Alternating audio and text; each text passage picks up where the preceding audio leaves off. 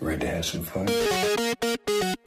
Let's do it. Hoi allemaal en welkom bij weer een nieuwe aflevering van De Makers. Ik ben Diede Vonk, zangeres en actrice. En sinds ik ook zelfstandig muziek en theater ben gaan maken, merkte ik net als veel van mijn collega-makers dat ik tegen een aantal dingen aanliep. Vragen als hoe krijg je je werk aan de man? Hoe hou ik mezelf productief? En wat doe ik als ik even geen inspiratie heb?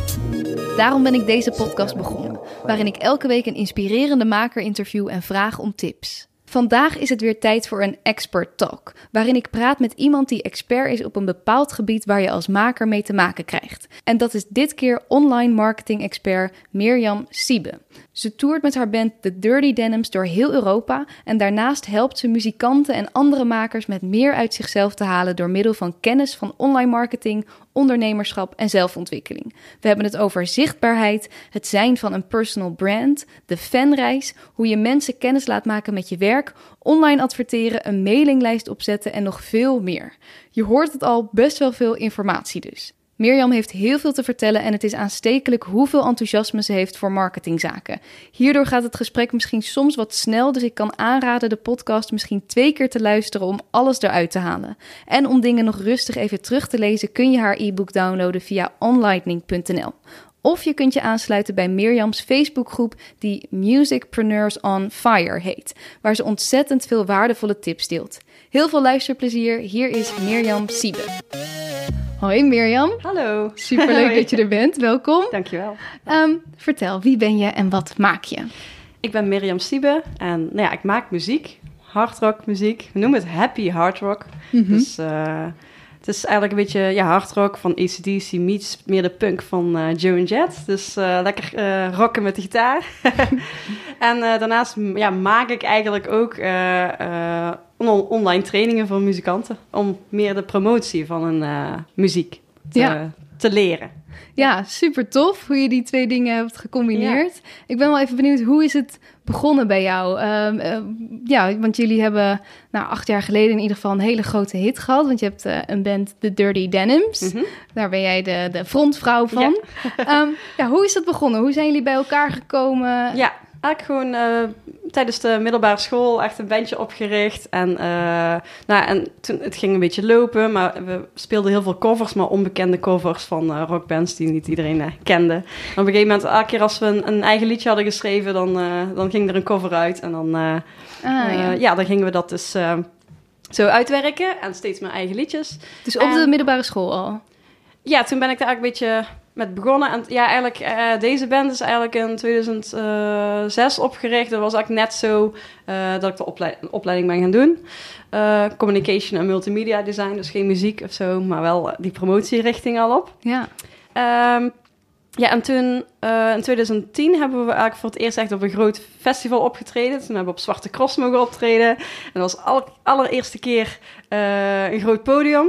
En ook echt een hele goede ervaring. Want ik had echt helemaal geen ervaring of geen, geen voorstelling van hoe dat zou zijn. Ja.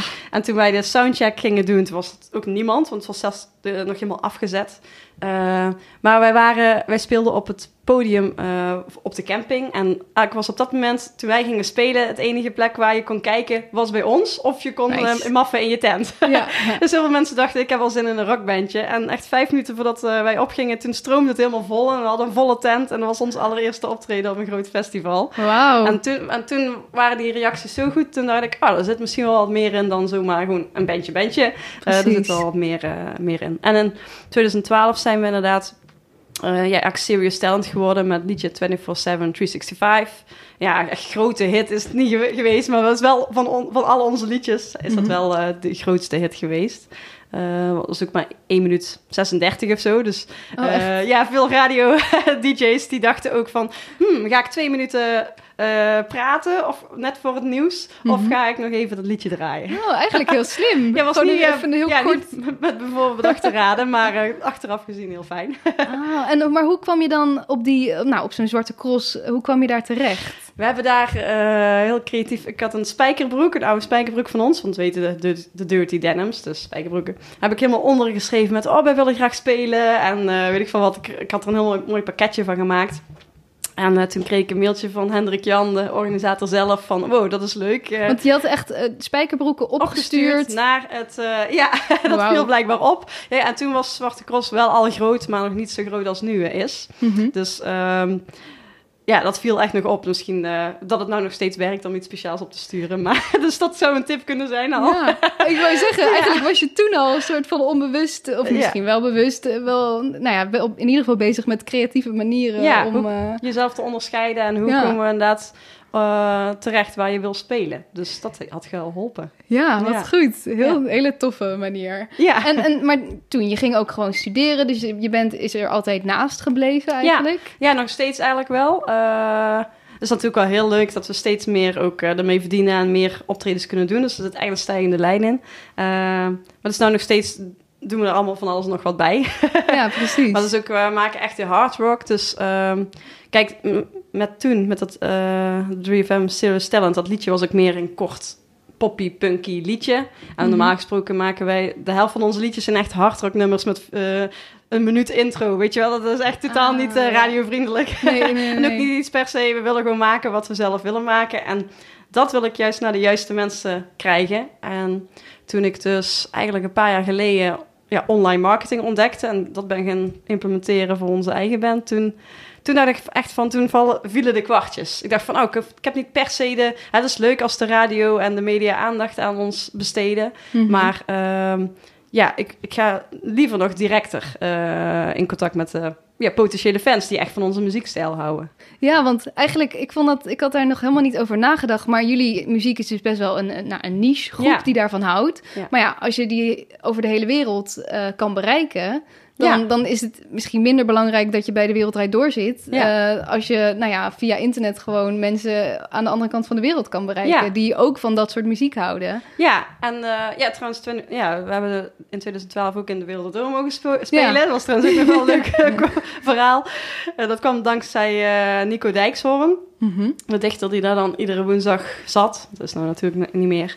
Uh, die hoorde ons dan wel een keer s'nachts of s avonds op de radio van 3FM. En toen kwam hij erachter dat we een Nederlands bandje waren. En ah. toen heeft hij voor ons een goede, uh, goed ding gedaan. En dat had echt wel effect. Uh, we hebben echt wel na die uitzending, dus we waren geweest. Na die uitzending zagen we ineens een mailtje binnenkomen van een bestelling op de website van onze webshop. Dus toen, toen hadden we blijkbaar al een webshop. Daar was ik er al blijkbaar mee bezig. Ja. En ik dacht, oh wat leuk. En op een gegeven moment klopte er nog één en nog één. Dus er waren Kijk, en ja, volgers erbij. Toch, ja. Dat vond ik zo bijzonder dat, dat mensen dan zaten te kijken en dan de moeite namen überhaupt de bandnaam te, te onthouden. Mm-hmm. En dan ook nog naar de website te gaan en dan ook nog iets te kopen.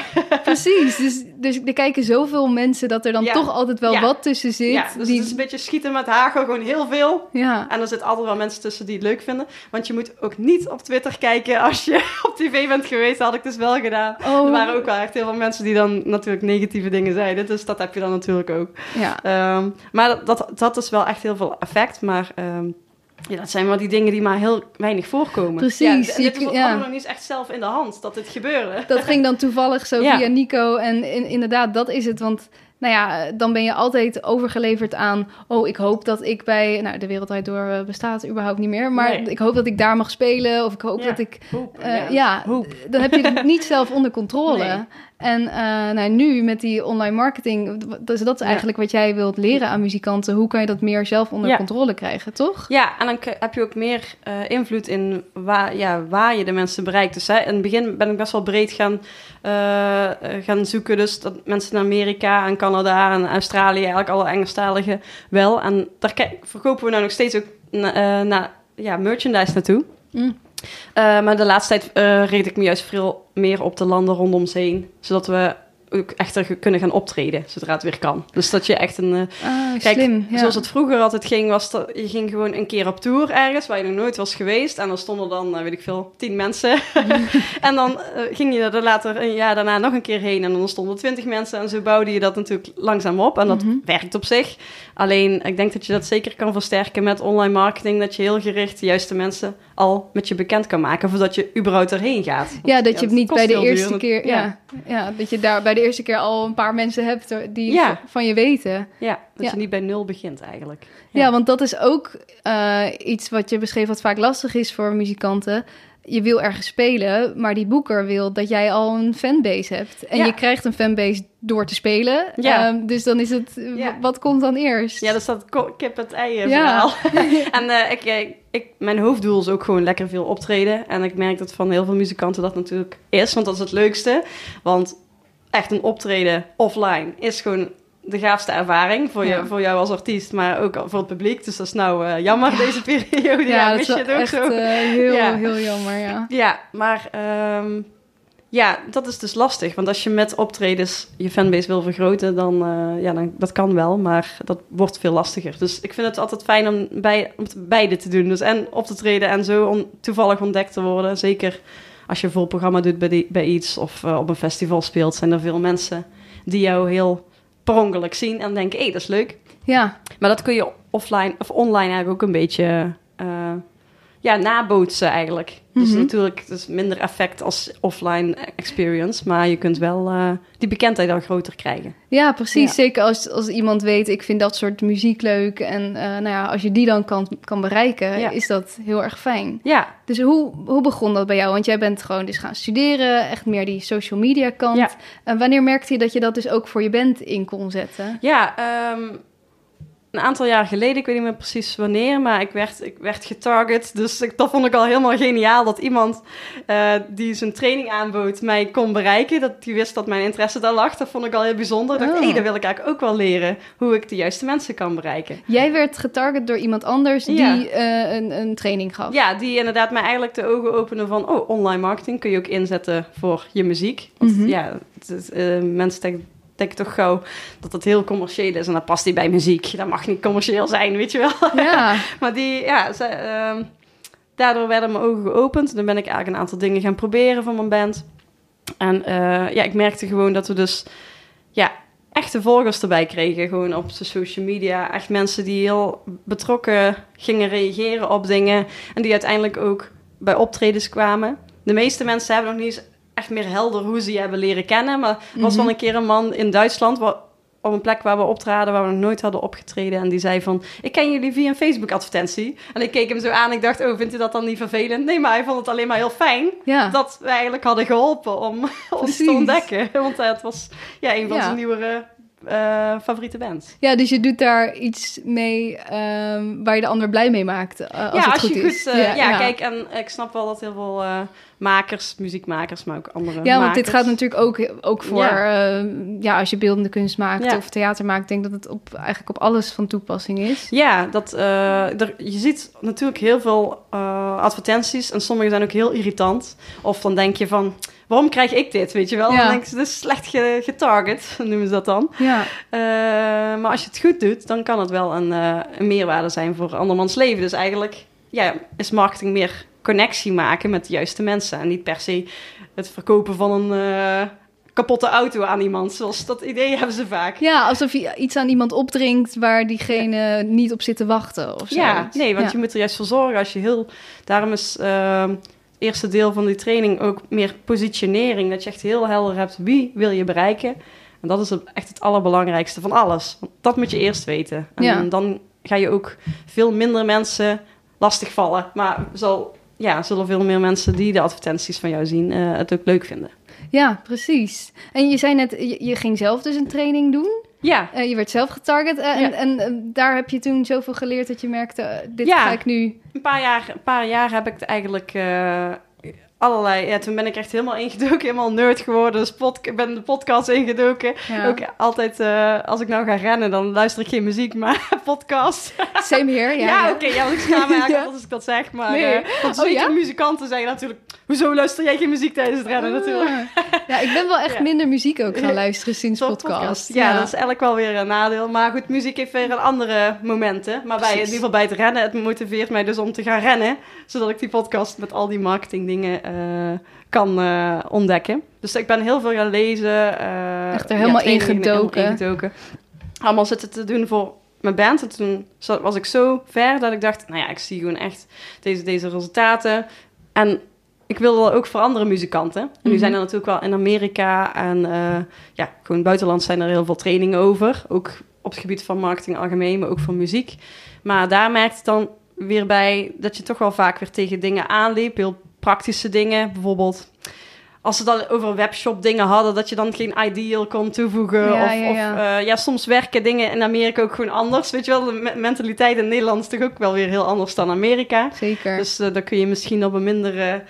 eh, ja, weet je wel, het beeld van Amerikaans... hij toch een beetje zo, doe maar Ja, normaal. Ja, en- doe maar normaal. ja. Dus ehm, ja, ik wou het toch echt veel concreter gebaseerd op Nederland en België eh, doen.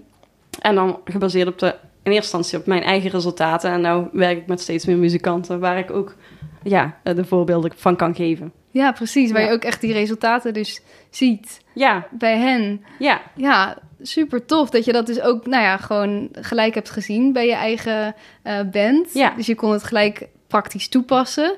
Ik was wel even benieuwd, want je had het net al over dat er soms dan een beetje negatief naar gekeken wordt in de muziekwereld. Eh, naar marketing Ja. bijvoorbeeld. Ja, hoe heb je dat zelf gemerkt? Ehm, ja, ik merk het wel eens. ehm, ik merk nog steeds wel eens, want ik adverteer best veel. Dus voor, voor mijn bedrijf, OnLightning. En eh, voor de band. En voor de band, bij de band is dat wat minder, want dat is toch iets minder. ehm, ja, ik adverteer dan echt met, gewoon met een video. En dan komt er een video voorbij met een tekstje. En verder vraag ik helemaal niks van die mensen. Dus eh, maar soms krijg je daar ook gewoon negatieve dingen op. Want soms heeft iemand gewoon zijn dag niet en denkt hij, waar is dit? Eh, ik ga mijn, weet je wel, online is heel snel makkelijk Ja. iets negatiefs te zetten. Ja, het werd echt een soort Ja. doelwit. eh. Ja, en bij OnLightning, eh, bij mijn bedrijf, dan eh, denken ze sommige mensen van...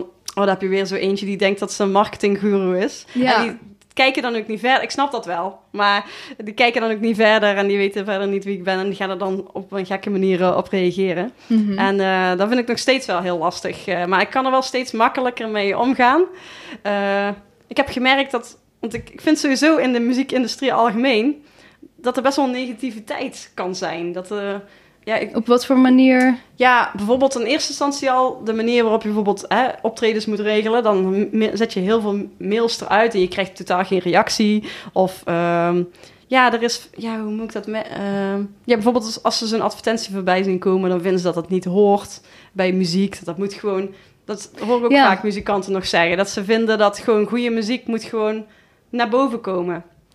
Ja, Maar er is zoveel. ja precies. Je moet jezelf zien te onderscheiden en ze moeten weten van je bestaan. Dus als je, als je twee bands hebt die allebei dezelfde muziek zouden maken, helemaal, helemaal hetzelfde en allebei even goed. Mhm. eh, en de ene zou het dus op gewoon een organische manier willen laten groeien en de ander met, eh, laat met online marketing groeien, dan weet ik zeker dat die, ja. dat die ene band eh, veel meer mensen gaat bereiken.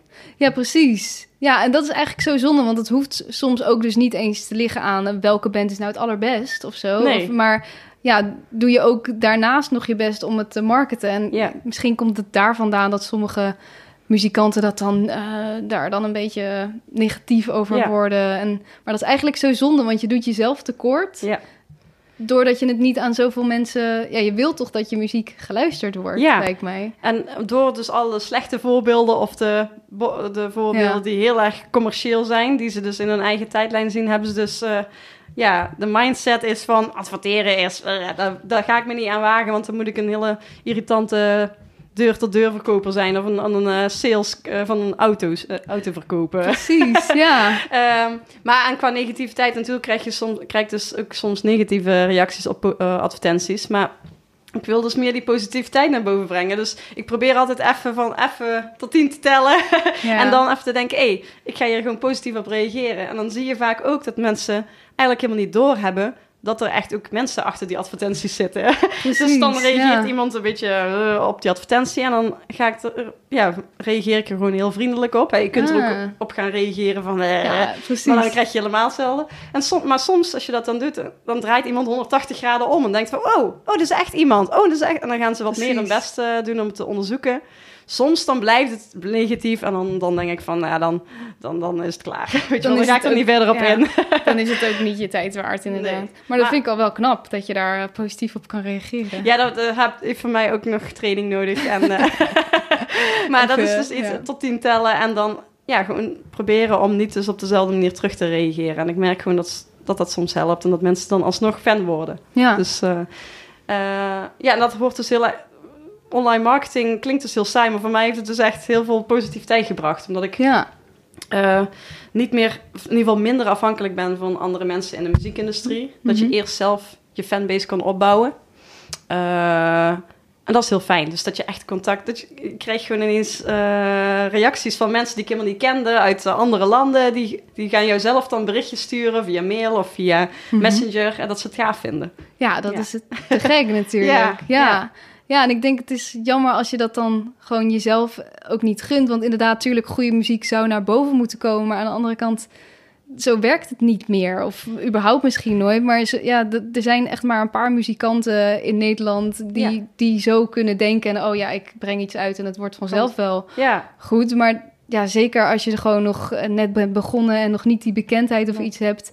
De- Je hebt gewoon wel wat hulp nodig. Ja. Of ja, je, waarom zou je niet jezelf helpen Ja. en, eh, en de mensen om je heen? ja en eh, want ja, heel, heel veel muzikanten hoor ik nog zeggen van vroeger was het allemaal beter. Want de muziekindustrie eh, zat Ja. er toen beter in elkaar. En mensen zaten echt nog te wachten op muziek. En, maar eh, ja, ik heb er hoor regelmatig dat gewoon vroeger, toen was je misschien één op de 100 bands kreeg een platencontract. En die, al die 99 anderen, ja, klaar. klaar, ja. Ja, terwijl je nou veel meer gradaties hebt in Mhm. ja, je, hobby, eh, semi-professioneel, professioneel. Er zitten allemaal eh, nog dingen tussen. Ja. Eh, ehm, je kunt het veel meer zelf in de hand hebben. ja, je kunt gewoon je muziek op Spotify zetten. Ja, En, en zelf je fanbase gaan opbouwen. Ja, precies. Kijk, en het, het kan helpen als je daar natuurlijk hulp bij hebt. Maar ik zie gewoon te veel muzikanten die alleen maar als doel hebben om een label te krijgen. Of, of ja, andere mensen die hen helpen. En dan dat ze na twee jaar stoppen omdat het niet, het niet was wat ze verwachten. Ja. Maar terwijl als je, als je zelf je fanbase opbouwt, dan zie je gewoon iedere dag, iedere week zie je de groei, iedere maand, ieder jaar. Mhm. En dan voel je, ja,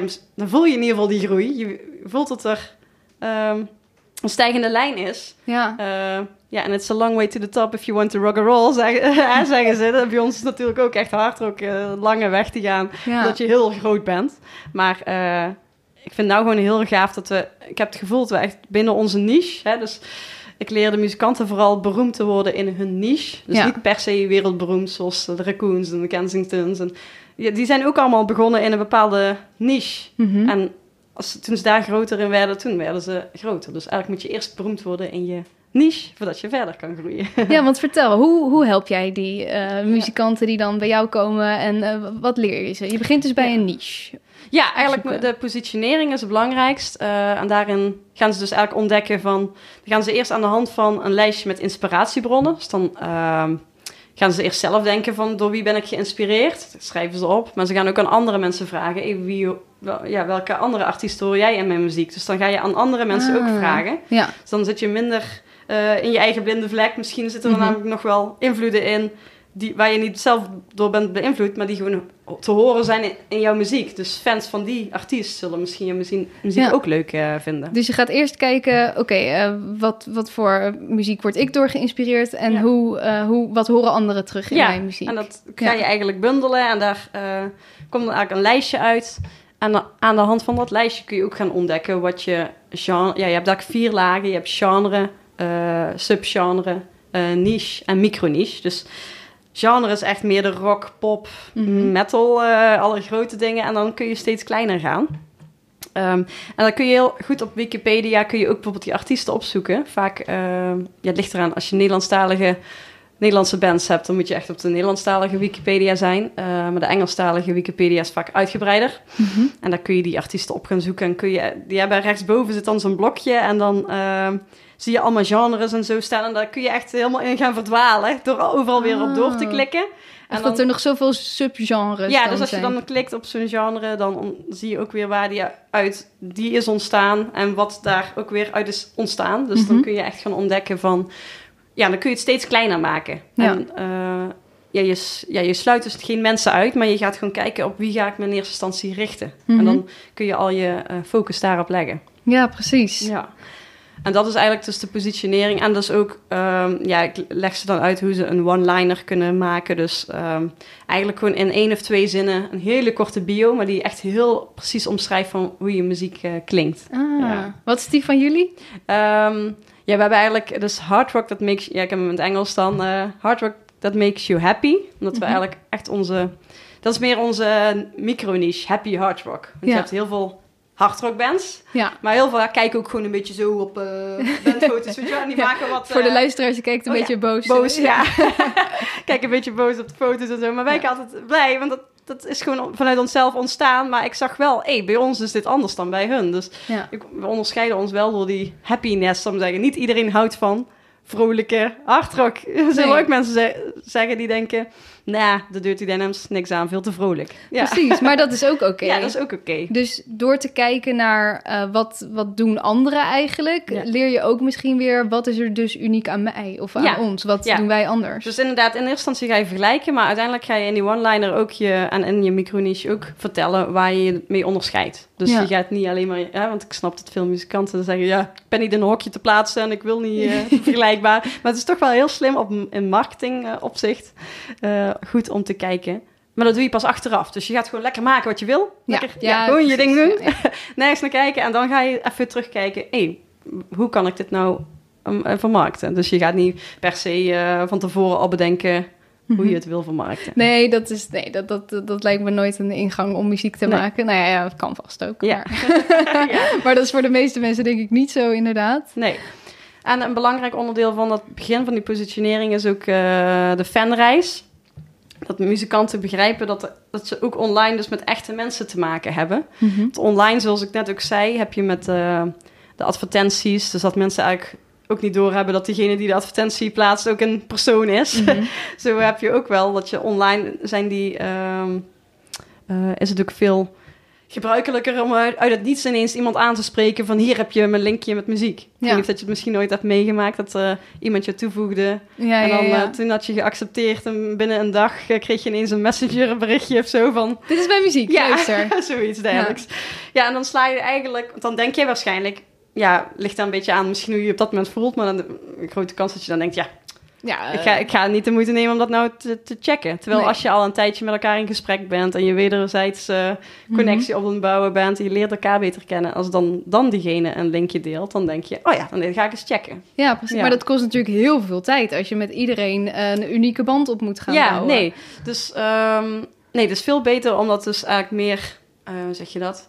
Ja, niet ja, op massagebied. Dus eh, dat je mensen met jou in aanraking laat komen, onder andere door advertenties. Kan natuurlijk ook ehm, door hele goede posts die dan vervolgens eh, bij nieuwe mensen in de tijdlijn komt. Ja, Dus dat iemand- die weer gedeeld wordt. Ja, dus als je een post hebt die heel veel mensen leuk vinden en delen, dan komt het dus ook weer in de tijdlijn terecht van hun vrienden. En dan kan het zijn dat iemand je, die post leuk vindt, die jouw pagina nog niet leuk vindt. Dan kun je dan ook diegene Ja. uitnodigen om de pagina leuk te vinden. Dus dat kan op meerdere manieren, dus het hoeft niet alleen maar advertenties te zijn.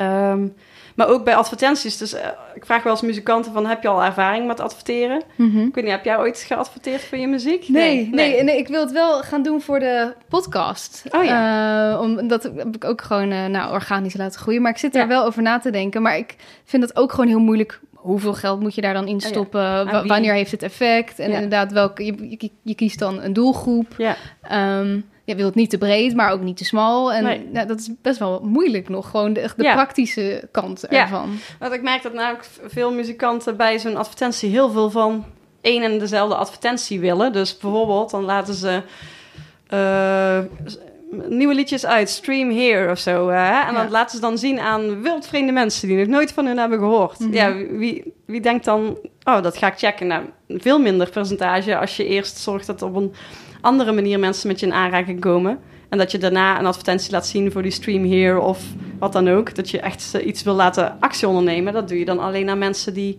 jou al kennen. Ja, maar wat, wat kan je dan bijvoorbeeld doen om... Want ja, je bent muzikant of theatermaker of Ja. eh, kunstenaar... en je, je wil mensen kennis laten Ja. maken met je werk. Hoe doe je dat dan zonder te zeggen... eh, ga nu Ja. mijn muziek luisteren of kom naar mijn voorstelling? Nou, bij muziek bijvoorbeeld. Ik heb trouwens ook met een kunstenaar eh, gewerkt. Dus, Oh, maar die heeft het eigenlijk een beetje op dezelfde manier gedaan. Ehm, maar wij doen met, binnen de muziek, laten we eigenlijk een video zien. Dus we pakken een video. En dat mag echt een hele simpele video zijn. Omdat mensen op Facebook ehm, heel erg gewend zijn aan hele simpele video's van vrienden en familie. Als die ergens zijn, maken ze een heel simpel videootje van iets wat ze live zien bijvoorbeeld. Het mag ook wel een eh, wat ingewikkelder video zijn, maar dat ligt een beetje aan de video. Ehm, als er mensen in te zien zijn, dan werkt het vaak beter. Maar ja, in ieder geval, je gaat dus een video laten zien aan nieuwe mensen. Dus ja, moet je adverteren, want anders kom je niet bij die nieuwe mensen terecht. Ja, Eh, en het enige wat je eigenlijk dan doet, eigenlijk wat je met de tekst die erbij staat wil doen, is nieuwsgierig maken naar de video. Dus eigenlijk, je hebt dan als enige doel Ja. dat mensen de video gaan kijken. Ah ja, En ja. eh, nou, stel, niet iedereen doet dat natuurlijk, maar ehm, je kunt daarna wel mensen die bijvoorbeeld 75% of meer van die video hebben gekeken. Dus stel de video duurt een drie minuten, dan Mhm. hebben ze al ja, meer dan twee Best wel, minuten ja. gekeken. En dat is wel echt wel eh, verhoogde interesse ten opzichte van iemand die maar na drie seconden alweer eh stopt. Zeker, ja. Dus dan kun je ervoor kiezen om alleen die mensen die nog die echt langer hebben gekeken, Mhm. opnieuw te bereiken met. ehm, ja, dus eigenlijk is die video view eh, advertentie is dan de ontdekkingsfase. Eh, Mhm. de fanreis bestaat dan uit vier fases. En de eerste is ontdekken. Dus je moet eerst weten dat je bestaat überhaupt. Anders kunnen ze Ja. natuurlijk niet fan worden. Ehm, en de tweede fase is meer de ontwikkelingsfase. Eh, en daarin heb je contactgegevens van iemand nodig. Dat je met Mhm. ze in contact bent. Ja. Net zoals dat je in een kroeg eh, bent en eh, je bent vrijgezel. En als je uit het niets gaat vragen, maak je telefoonnummer, dan denk je, nou, laat maar. Mhm. Ja. maar als je al langer met iemand in gesprek bent geweest en je komt erachter dat bijvoorbeeld dat je dezelfde artiest leuk vindt en die andere zegt dan... Oh ja, ik heb toevallig twee kaartjes voor, de, voor, de, voor die artiest volgende week. eh, Mhm. En ik heb er één over. Wil je met me mee? Eh, stuur, ja, geef even je telefoonnummer, dan stuur ik even je WhatsAppje over Ja. eh, hoe, hoe laat en waar. en Dan dan denk het je gewoon van, een beetje rustig inmasseren. ja, en je denkt dus, en er is een bepaalde reden dat je het telefoonnummer geeft. Ja, want wacht even, even terug. Ja. We waren bij die, die videopost, heb je dan? Dan zie je dat bijvoorbeeld iemand dat 75% eh bekijkt. En die groep mensen ga je dan weer. Bij een volgende post. Ja. Ah, ja, dat, zie je, dat Ja. zie je niet echt, want je hebt zelf geen inzicht wie dat doen. Oh. Maar dat is eigenlijk allemaal eh, door Facebook uh, natuurlijk. eh, dat Maar die, zij weten dat Maar wel. zij, ja, Ja. je kunt zelf, kun je dan een doelgroep maken. Kun je zeggen, ik wil iedereen die 75% of meer van deze ene video, of van meerdere video's heeft gekeken. En dan maakt hij daar een groepje van. En dan kun je Ah. die weer als doelgroep gebruiken voor een volgende advertentie. Ehm, nou, en in dit geval dan doen we bij muzikanten vaak het e-mailadres vragen, zodat je men een mailinglijst kunt opbouwen. Ja, Ja, want ehm, ik ben heel erg fan van social media en je kunt social media dus heel erg goed inzetten voor connectie te maken, gewoon via je pagina, gewoon organisch, soms zeggen, dingen posten, gratis, Mhm. maar ook door adverteren. Maar ehm, Facebook verandert iedere week wel weer iets. Dan Ja. hebben ze weer een andere vormgeving waar je helemaal aan moet Instagram wennen. ook, ja. Ehm, de, het bereik gaat natuurlijk ook is lager dan ooit in het begin, zou ik zeggen. En toen Facebook net begon, bereikte je, stel 100 mensen volgden je pagina. Alle 100 mensen zagen je post. Ja, ja. Maar inmiddels is er zoveel content dat Facebook wel moet beslissen van ja, wat er in iemands tijdlijn komt. Mhm. Dus niet iedereen ziet al je berichten. Eh, terwijl bij e-mail heb je echt wel één op één contact. Ja. Natuurlijk niet iedereen opent zijn, alle e-mails, maar Mhm. je, je komt wel aan. Het de bereik is wel eh, heel Ze groot. zien je in ieder geval even voorbij komen. Ja, Ik vind het alleen lastig met zo'n... Ergens zo'n e-mailadres of een e-maillijst. Ik vind het altijd zo jammer dat dat dan moet. Want ik heb toch ook... Misschien is dat hetzelfde, maar daarbij zoiets van... Weer een e-maillijst, wie zit daar dan op te wachten? En eh, dat heel vaak die maillijst ook heel onpersoonlijk voelen. Dat, Ja. ja. dat het dan zo, hallo die de... eh, nou, dat je dan zo'n verhaal krijgt waarvan je weet... ja, dit stuur je nou naar honderd mensen. En Ja. Ja, dan, dat het, hoe zorg je nou dat dat toch authentiek blijft en dat mensen dat wel willen? ja, ten eerste wil ik echt af van de eh, nieuwsbrieven. dat deed ik met mijn band eerst ook. Dan had ik één keer per maand had ik een nieuwsbrief en dan eh, kwamen alle nieuwtjes. Maar sommige waren nog niet zo nieuw meer, want het was gewoon een verzameling van alles wat was gebeurd in één maand tijd. En dan had je een hele reeks met, reeks met allemaal linkjes en di- ditjes en datjes. Daar eh, ben ik helemaal klaar mee. Ook, eh, dat komt heel commercieel over ook. Het is veel beter om gewoon een meer, zoals je naar een vriend zou schrijven, een mail te sturen. Dus veel minder opmaak. Ja, eh, ja, gewoon ja. heel normaler. Ehm, daarbij kan het, bij je mailinglist kun je dus ook, ehm, stel je weet waar iemand woont. ehm, stel iemand woont in Eindhoven en je gaat optreden in Amsterdam. Nou, dan ga je, en je wil een mail gaan versturen over dat optreden in Amsterdam. Mhm. En dan wil, wil je niet iedereen gaan mailen. Het liefst wil je dan gewoon alleen de mensen eh, mailen die in de buurt van Eindhoven wonen. ja. En zo kun je op allerlei verschillende manieren het ook specifieker maken. Dus dat, je- dat diegene die de mail krijgt eigenlijk altijd weet... oh, bij, eh, hè, bij haar dan eh, krijg ik wel mails die van mij op toepassing zijn. Ah, ja. En ehm, ja, ook de manier van hoe je schrijft. Kijk, natuurlijk, Mhm. maar ik, ik krijg nog wel steeds vaak reacties op mails... die gewoon algemeen zijn verstuurd... waar, waaruit ik denk, oh, volgens mij denkt hij toch dat ik het één op één heb gestuurd. Dat ze echt be- zich be- bezwaard voelen als ze niet zouden reageren. Oh weet je wel? bedankt voor je mail. Ja, Ja, ja, ik, voor mij is het heel obvious, van, heel duidelijk van, eh, ja, dit is wel naar meerdere mensen tegelijk verstuurd. Maar blijkbaar komen die mails dan toch zo persoonlijk aan dat ze denken... Nou ja. Dus het, ik denk dat daar nog wel wat aan te, ja want te dat, doen is. dat is wel... Nou ja, ik heb, ik heb het idee dat veel mensen dat dan toch... Nou ja, dat zo'n lastige stap vinden van... oké, dan moet ik echt een mailinglist op gaan stellen. En ik snap het wel, want je hebt dan inderdaad... ja, mensen die jou waarschijnlijk al tof vinden. Ja. Ehm, eh, want ja, zijn er... wat voor manieren gebruik je dan... ja, wat zeg je dan vooral in die mail? Ja, dat, eh, ja, ik onderscheid eigenlijk de zes soorten content post. En dat geldt eigenlijk voor op social media, maar ook voor in de mailings. Ja, daar kun je ergens teruglezen. Daar heb ik een artikel over gemaakt. Maar in ieder geval, je hebt allerlei verschillende berichten. Dus je wil niet in iedere mail iets commercieels delen. Nee, je wil niet ook, in iedere mail iets ja. vragen Ja. van iemand. Je wil ook nu dan een mail sturen wat gewoon...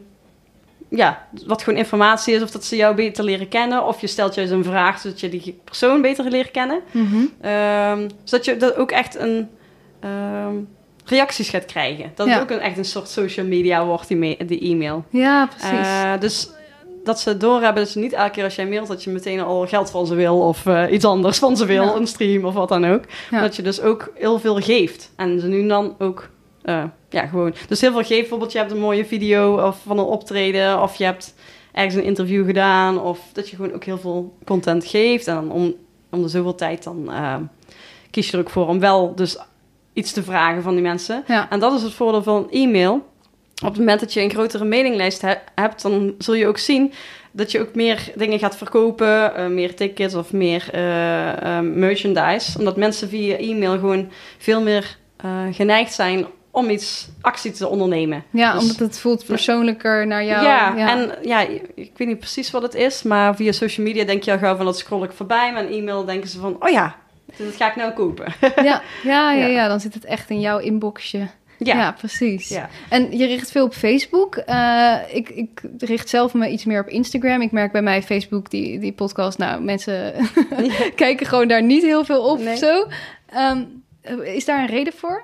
Ehm, nee, ik eh, richt me ook wel op Instagram. Alleen eh, de doelgroepen waar ik tot nu toe mee werk, dus vooral bij mijn band, maar ook wel bij Onlightning, die merk ik dat er gewoon op Instagram minder gebeurt. Oh ja? Dus dat, maar vooral bij de Dirty Denims. eh, ja, onze doelgroep is toch echt wel hardrockers, mannen van 45 plus, ik Oh zeggen. en die zit, ja, ik merk gewoon heel goed dat die, ehm, dat die goed reageren op Facebook. Ah, ja, maar, dat, maar op zich kun je die principes gewoon hetzelfde doen bij Instagram. Ja, Alleen is het nadeel bij Instagram dat je geen lange video's kunt eh, Ja. delen. Waardoor Ja. dus dat eh, effect van die video-view-advertentie lastiger wordt. Ah, Dan moet je ja. al vaak echt een hoger percentage pakken. Dus minimaal 75% of meer. Mhm. Dat zegt dan iets over dat iemand mensen eh, zo lang hebben gekeken. Ja, Dat maakt dat proces wat lastiger. Ehm, maar bij, ik heb wel weer gemerkt, ik heb wel wat gestoeid met stories eh, advertenties. Mhm. En die werken dan wel weer heel goed. ja dat Ja. hoor ik ook dat dat, dat, Ja. dat een goede is. Want dan kan je ook en wat laten horen en dan je Ja. hebt het bewegend Ja, beeld. dan kunnen ze nog swipen als ze meer willen weten. Precies, Ja, dus dat, ja. eh, ehm, ja, daar kun je dus minder dan gebruiken als een soort filter van... oh, wie ga ik nou in het vervolg nog benaderen? Maar eh, daar kun je wel weer veel mensen meteen... eh, ja, vaak hebben ze hun geluid ook wel aan als ze stories kijken, denk ik. Dus, Ja. eh, Ja, precies. Ja. Dus, dus die- maar ja. Facebook is eigenlijk van, is van Instagram. Of eh, Ja. andersom, Instagram is van Facebook. Mhm. Eh, dus al dat adverteren en zo, dat kun je ook via hetzelfde kanaal eh, regelen. Ja, precies. Dat is zo'n soort van pagina binnen Facebook, geloof ik. Ja. Business, ja, business.facebook.com, dat is dan business manager. Mhm. En daar kun je dat allemaal in, in regelen, ja. Ja, en ik ken ook heel veel muzikanten die zeggen: Ja, ik kan dat gewoon niet, ik weet dat niet. Ehm, heb, help je die ook, dat soort Ja, mensen? Kijk, mensen moeten zelf wel eh, erin willen duiken. Dat is wel Ja. belangrijk. Dat ze het gewoon, ik krijg ook wel vaak een vraag van... kun je niet gewoon het voor mij regelen? Maar dat heb ik in het begin ehm, gedaan. Maar ja, het strookte gewoon niet helemaal met mijn gevoel... omdat ik zelf als muzikant ben. Ik wil juist dat muzikanten eens wat minder afhankelijk zijn van anderen. Dus als Ja. ik het voor ze zou doen, is het uurtje factuurtje... eh, en, en dan weten ze Ah, het dus zelf niet. Ja. En dan heb je dus voor iedere post en iedere e-mail eh, mij nodig. Mhm. Ik vind het gewoon echt wel. Ik vind eigenlijk dat de promotie een van de laatste dingen moet zijn die je uitbesteedt. Kijk, als je wat groter bent, Ja. snap ik dat je niet alles meer zelf gaat doen. Maar ik denk dat het ook wel heel goed is voor je ondernemerschaps ja, ja, skills. Dat je die wel, eh, dat zelf weet hoe je dat moet doen. Ja, precies. Dat je dat echt wel. Ja, Ja, want het is ook iets wat je. Het is natuurlijk wel echt even een leercurve in het begin. Maar op een gegeven moment is het allemaal zo. Voor mij is het nou allemaal zo. Eh, ja, logisch dat ik soms. Oh ja, dan vraagt iemand een vraag. Oh ja, dat wist ik vroeger. Of ja, wist ik voorheen ook niet. Dus op een gegeven moment zit het zo in je vingers. Als je het eenmaal weet, dan kun je het gewoon zelf doen. En dan zie je ook zelf de. Kun je de resultaten in, ja, interpreteren. En ook zelf je strategie nog gaan aanpassen. Of Ja, Ja. dus het is een kwestie van vooral heel veel doen. Want ik zie bij jou soms ook gewoon eh, nou, eh, misschien meerdere posts per dag of elke dag wel een post. ja. Ehm, hoe hou je daar inspiratie voor? Hoe zorg je dat je elke keer weer iets nieuws weet te Ja. bedenken? Eh, dat zijn eigenlijk een beetje die zes soorten posts. Ehm jij hebt bijvoorbeeld eh cultuurpost, dat noem, zo noem ik dat. En dat zijn eigenlijk een van de belangrijkste soorten posts. Want daarin heb je het eigenlijk niet over jezelf en niet over je eigen muziek. En daarmee kun je heel erg de connectie maken met je volgers. Eh, dus dan ga je eigenlijk door die positionering waar we het net over hadden, ga je eigenlijk onderzoeken, oké, wat zijn... Wat is de cultuur rondom mijn muziek? En dat Mhm. verschilt dus heel erg per genre.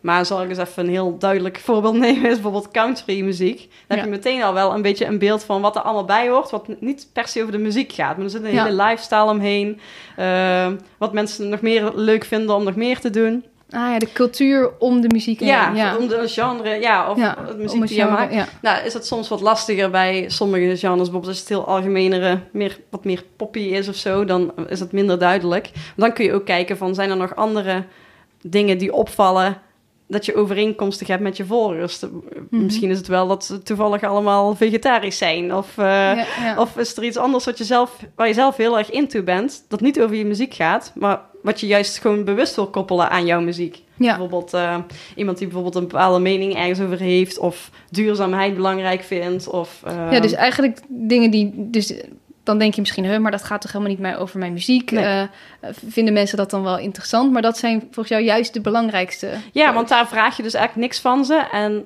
ehm, ja, naarmate je beter, be- langer bezig bent met hiermee, dan leer je. Ik zeg ook altijd, een van de andere belangrijke soorten posts is vragen stellen. Dus stel een Ja. vraag aan de mensen. En dat kan dus zijn iets vragen over jou van wanneer zag je me voor het eerst live of hoe heb je me ontdekt. Maar het kunnen ook vragen zijn, wat zijn je hobby's? Of wat vind jij leuk om te doen? Of wat ga jij komend weekend doen? Ja. En als je dat regelmatig vraagt en er komen steeds meer reacties op, dan krijg je ook steeds meer een gevoel tussen je publiek en jou. En dan Ja. kun je de dingen pakken, want je moet wel alleen maar dingen delen over de, wat jij zelf ook leuk vindt natuurlijk. Ja. Hè? Niet eh, iets nep, neppigs gaan doen. Precies. Maar er zitten vast wel dingen bij die ehm, overeenkomen. En dan kun je daar wellicht wat meer over gaan delen. Ja. Ja, zo hebben wij met de, de Dirty Denims... Ja, wij ma- maken happy hard rock. Dus dat is allemaal heel erg luchtig en humor en eh, vrolijk. En eh, dat zijn vooral mensen die echt gewoon die hard naar concerten gaan, naar festivals. Die hebben het nou ook heel moeilijk. Ja. Eh, die, eh, ja, die vinyl kopen, die aan mo- motoren hebben of eraan sleutelen. En dat heb ik allemaal ontdekt door het vooral te vragen. Mhm. En op het moment dat ik dus bijvoorbeeld een leuke meme zie of ja, zo'n grappig plaatje zie, ehm, ja, dan delen we die. En dat, dat Ja. connect dan heel erg. ja, zeker. Dus dat zijn heel veel, eh, zijn soms gewoon heel makkelijke dingen. Hoe ik dat heb gedaan is, ik heb op Pinterest een bord gemaakt. En ik ben begonnen met wat dingen erop te zetten waarvan ik dacht, dit past bij onze Mhm. cultuur. En Pinterest, eh, dat is eigenlijk gewoon een besloten bord, gewoon voor, meer voor mezelf.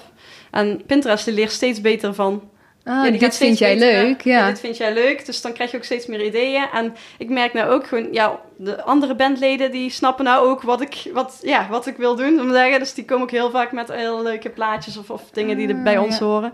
En zelfs fans, die gaan zeggen, die ons ergens onder taggen of het naar ons sturen van, hé, hey, dit vind ik iets voor, eh, om te delen. Ah, dat is super slim. Ja. En we hadden het net al een beetje over misschien negatieve reacties. Als je net begint met eh, nou, meer dus zichtbaar worden als band, Ja. is dat best wel kwetsbaar ook.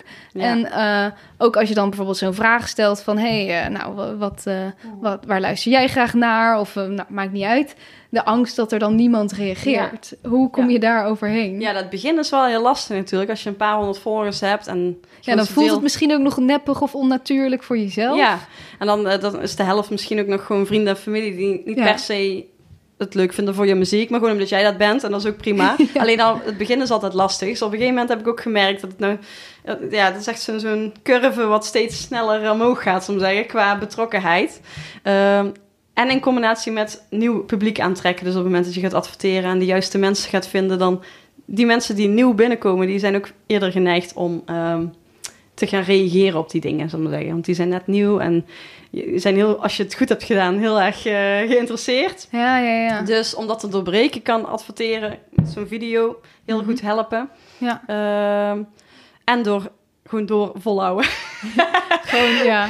Ja, en wij, dus, je hebt dus cultuurposts, dus dat zijn meer de berichten die meer over de cultuur rondom je muziek gaan, minder over je muziek zelf.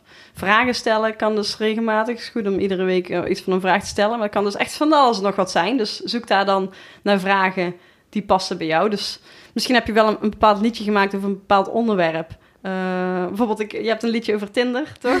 ja. ja. Zou je daar iets over kunnen vragen? Dan kun je Precies. al bijvoorbeeld vijf ja. soorten vragen bij bedenken, denk Absoluut. ik. Van, heb je ooit op Tinder gezeten? Of heb je ooit een date Ja. gehad? Of weet ik veel. En dan, heb je, dan kun je ook nog eens een korte link maken naar dat liedje. Van, oh ja, en dan, dan leggen ze die link van... Oh ja, ze heeft er een liedje over. Maar ze, mensen zijn ook wel... Ja, vinden het leuk om op zoiets te reageren. Ja, slim. Inderdaad, je hebt al eh, heel veel materiaal aan liedjes of aan wat dan ook. Dus Ja, de inhoud, waar gaan die die- liedjes ja. over? En kun je daar misschien een leuke vraag over bedenken? ja. Eh, maar gewoon ook van wat mensen leuk vinden om te doen.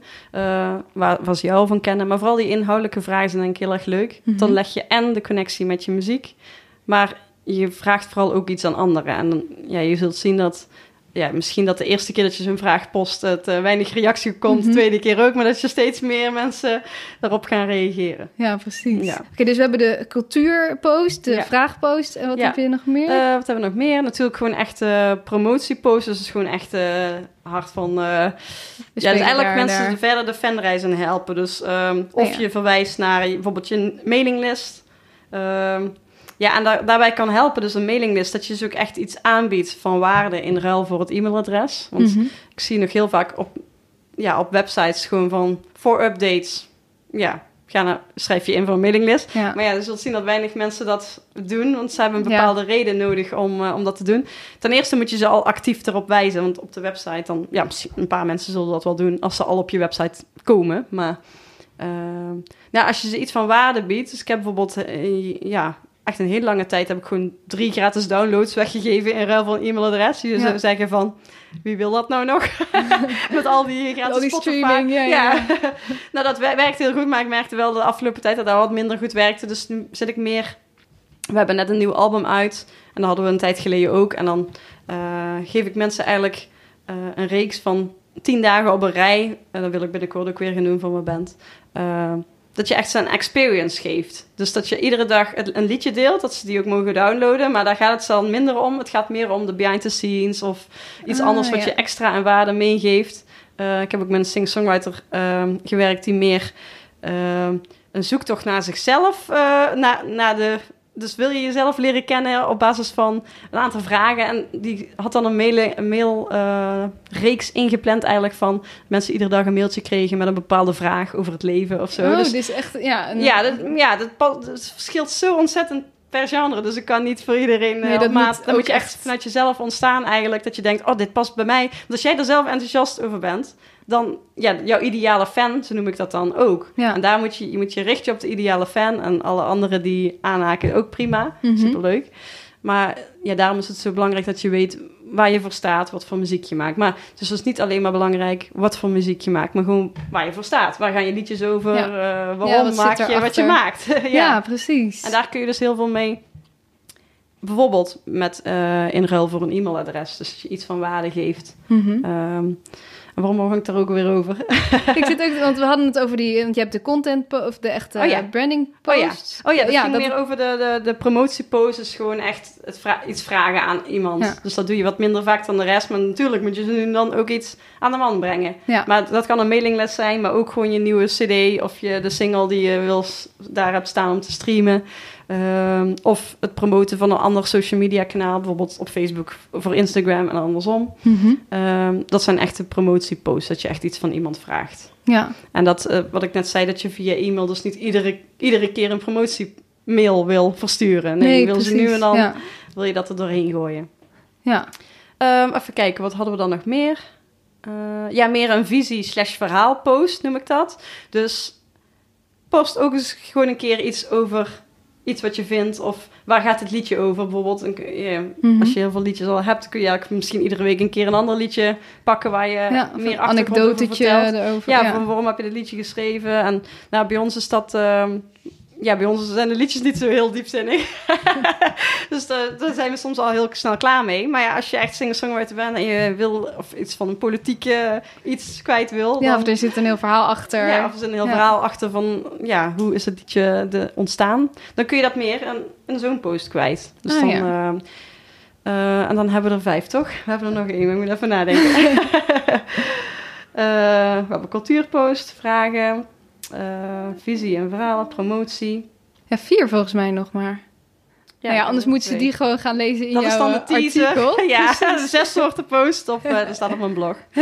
maar zo zijn er dus eh, heel allerlei verschillende soorten. Oh ja, natuurlijk, op, eh, optredenspost. Maar dat vergeet ik natuurlijk in deze tijden. Die zijn Maar, nu iets eh, minder ja. relevant. Ja, ja, maar stel eh, je bent dus wel een artiest die regelmatig optreedt, dan wil je natuurlijk die aankondigen, maar ook achteraf wil je die eh, video en Ja. foto van laten zien. Ja, Ehm, tuurlijk. Ja, oh ja, en behind the scenes. Nu heb ik ze alle zes. behind the scenes. Eh, ja, heel veel muzikanten denken dat het allemaal heel normaal is, maar echt veel muzikanten of mensen vinden het heel interessant van wa- wat houdt muziek maken nou eigenlijk in. Dus ja. Laat zeker je repetities zien. Eh, dus een foto of een videootje. Dat je in Mhm. de studio bent. Of het schrijfproces. Laat gewoon zien dat je aan het schrijven bent. Even een foto. Eh, Ja. Dat mensen echt doorhebben dat het ook best wel veel werk is. Of neem ze mee in het verhaal. Precies. Want als ze dan... eh, ja, is ook weer... Als je twee bands hebt en eentje die brengt uit het niets een nieuw album uit. Mhm. Of de ander die eh, neemt de mensen echt helemaal mee. En eh, ja, over drie maanden komt het pas uit. En ze nemen heel- mensen helemaal mee in het proces. Ja, Dan zal, zal die band waarschijnlijk meer van het album verkopen, omdat mensen er echt erbij zijn meer, geweest. ja, en ja. steeds meer denken: oh ja, dat komt eraan en Ja. ik wil dat. Ja, dat je iets aan het opbouwen bent. ja, en dat kun je dus door die zes, zes verschillende soorten post. Dus je kunt bijvoorbeeld, stel je hebt een single eraan komen, eh, als je een single hebt. Dan kun je daar ook veel langer op die manier aandacht voor houden. Dus stel een keer een vraag over het onderwerp waar het liedje over gaat. Of Ja. ja.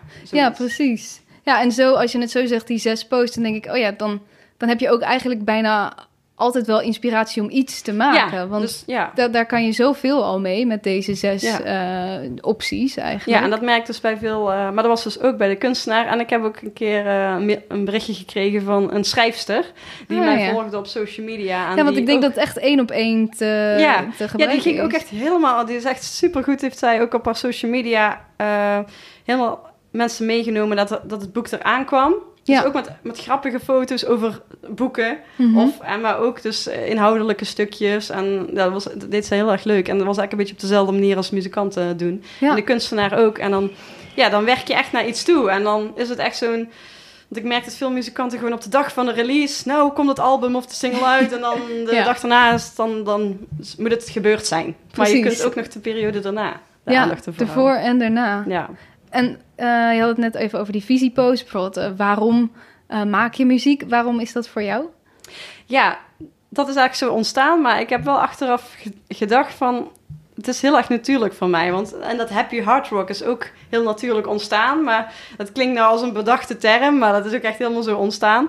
En ik merk dat ik dus met On Lightning en met de band... gewoon heel erg, heel erg graag mensen blij maak. Ah, ja. En enthousiasme en energie willen overbrengen. Dus dat gaat natuurlijk het allerbeste met een offline optreden. dat is natuurlijk nou wat lastiger. Ehm, ik krijg ook heel, heel vaak de opmerking, of kreeg ik in ieder geval eerst nog meer dan nu, maar eh, dat ik zo anders was het, ben op het podium. Anders dan in het echt. Ja, dan in het echt. Van, Ah. oh, hier zit je zo achter je... Ja, ik, werk, ik heb gewoon een kantoorbaan ook, drie dagen in de week. En dan hier zit je zo stil. Ja, het heeft nou in de- dit, deze context toch geen zin dat ik ah, als een, eh, weet ik veel, het rock eh, chick hier Ja. sta.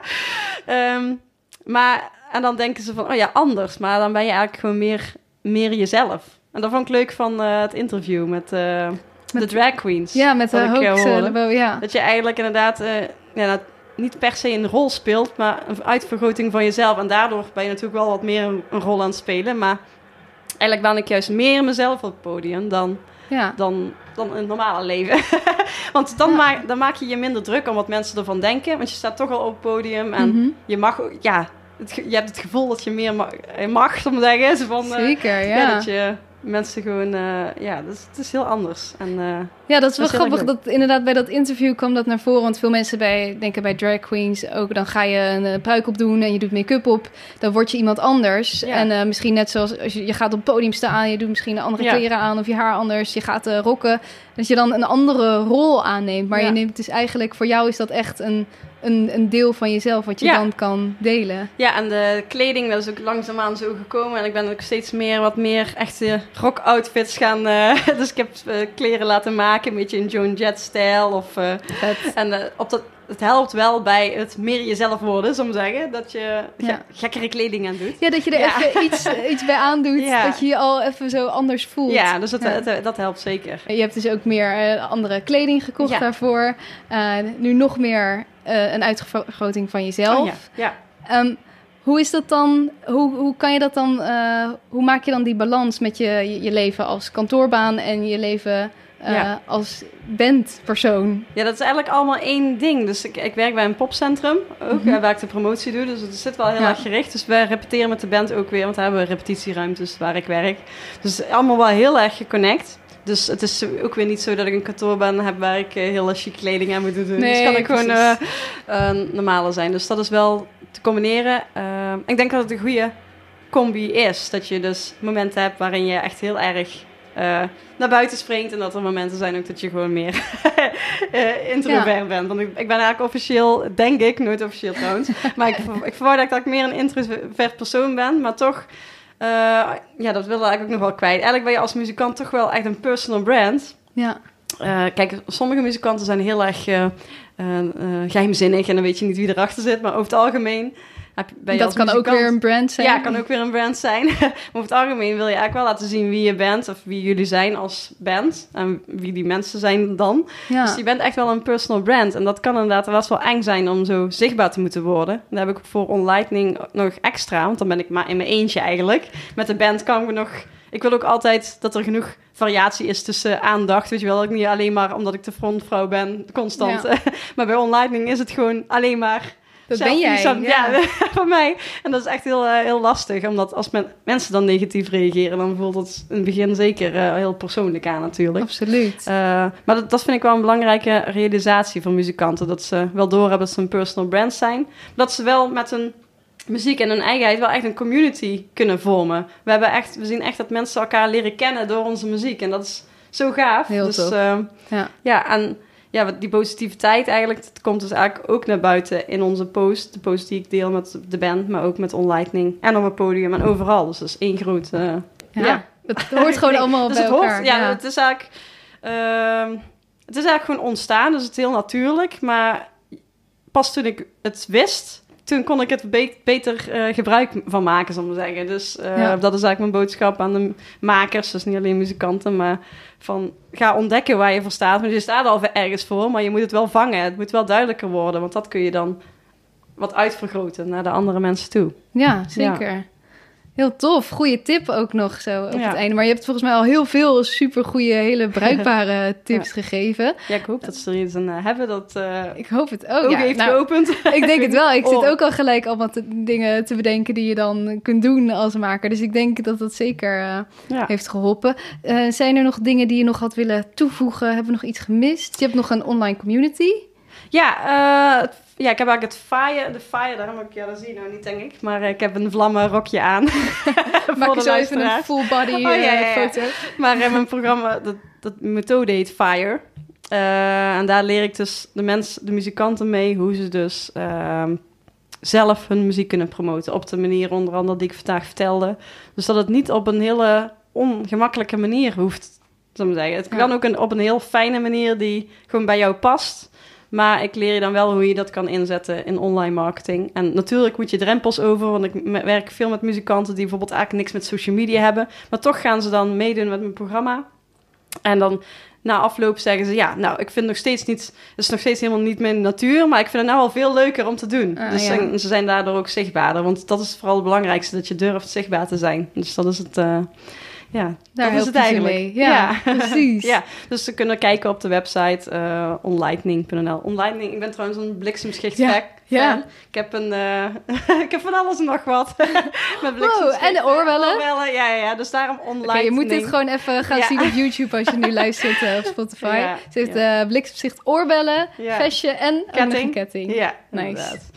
dus eh, eh, daarom heet het zo onlightning van online marketing. Dus Ja. ja, ja dan kunnen ze Tof. daar kijken en dan eh, of dat, kijken of dat ze bevalt. Ja, precies. Als, als je nou luistert en denkt, eh, ik, ik vind dat ongemakkelijk. Dus het hoeft dus ook niet ongemakkelijk te zijn of Nee. commercieel. Of het, Nee. Je kijkt echt per persoon, Ja, wat wil diegene. Ja, en je leert gewoon er heel veel over, en, maar je ge- geeft er je eigen draai aan. Dat is, dat is het allerbelangrijkste. En dat is eigenlijk ook de reden dat ik vind dat marketing en promotie het laatste is, moet zijn wat je wil uitbesteden. Omdat het zo dicht bij jezelf Ja, moet liggen.